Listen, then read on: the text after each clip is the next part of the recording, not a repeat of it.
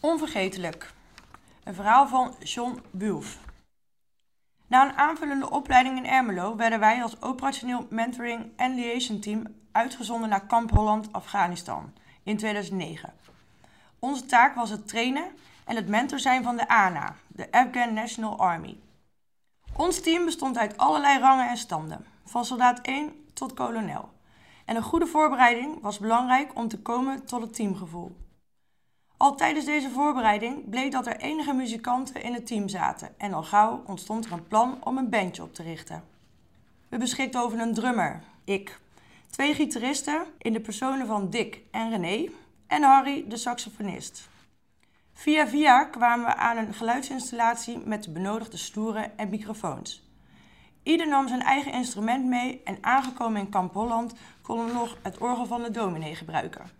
Al gauw kregen we contact met daar aanwezig Australische militair.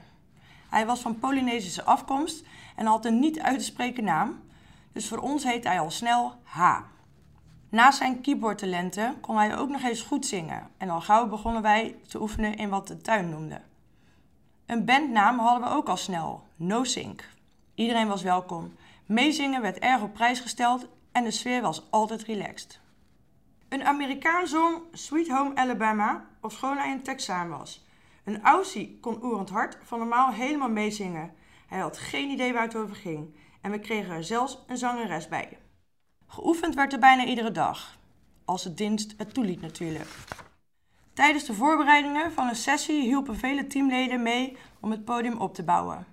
We kwamen zelfs in het programma van een cabaretier Guido Weijers, die ons kwam bezoeken, en in de radio-uitzending van Giel Belen. Maar wat voor ons toch wel onvergetelijk was, was het optreden in de woestijn. Net buiten het kamp, toen de evangelische omroep uit Nederland was gekomen voor een reportage. We werden gefilmd voor een tv-uitzending, stroom via een grote generator, verlengkabels en de hele mikmak in de stoffige zandbak. Het hoogtepunt was echter een Apache-helikopter die naast ons opsteeg en achterlangs vloog. Onvergetelijk. En het is dus waar, muziek verbroedert en maakt nare gebeurtenissen een beetje draaglijker.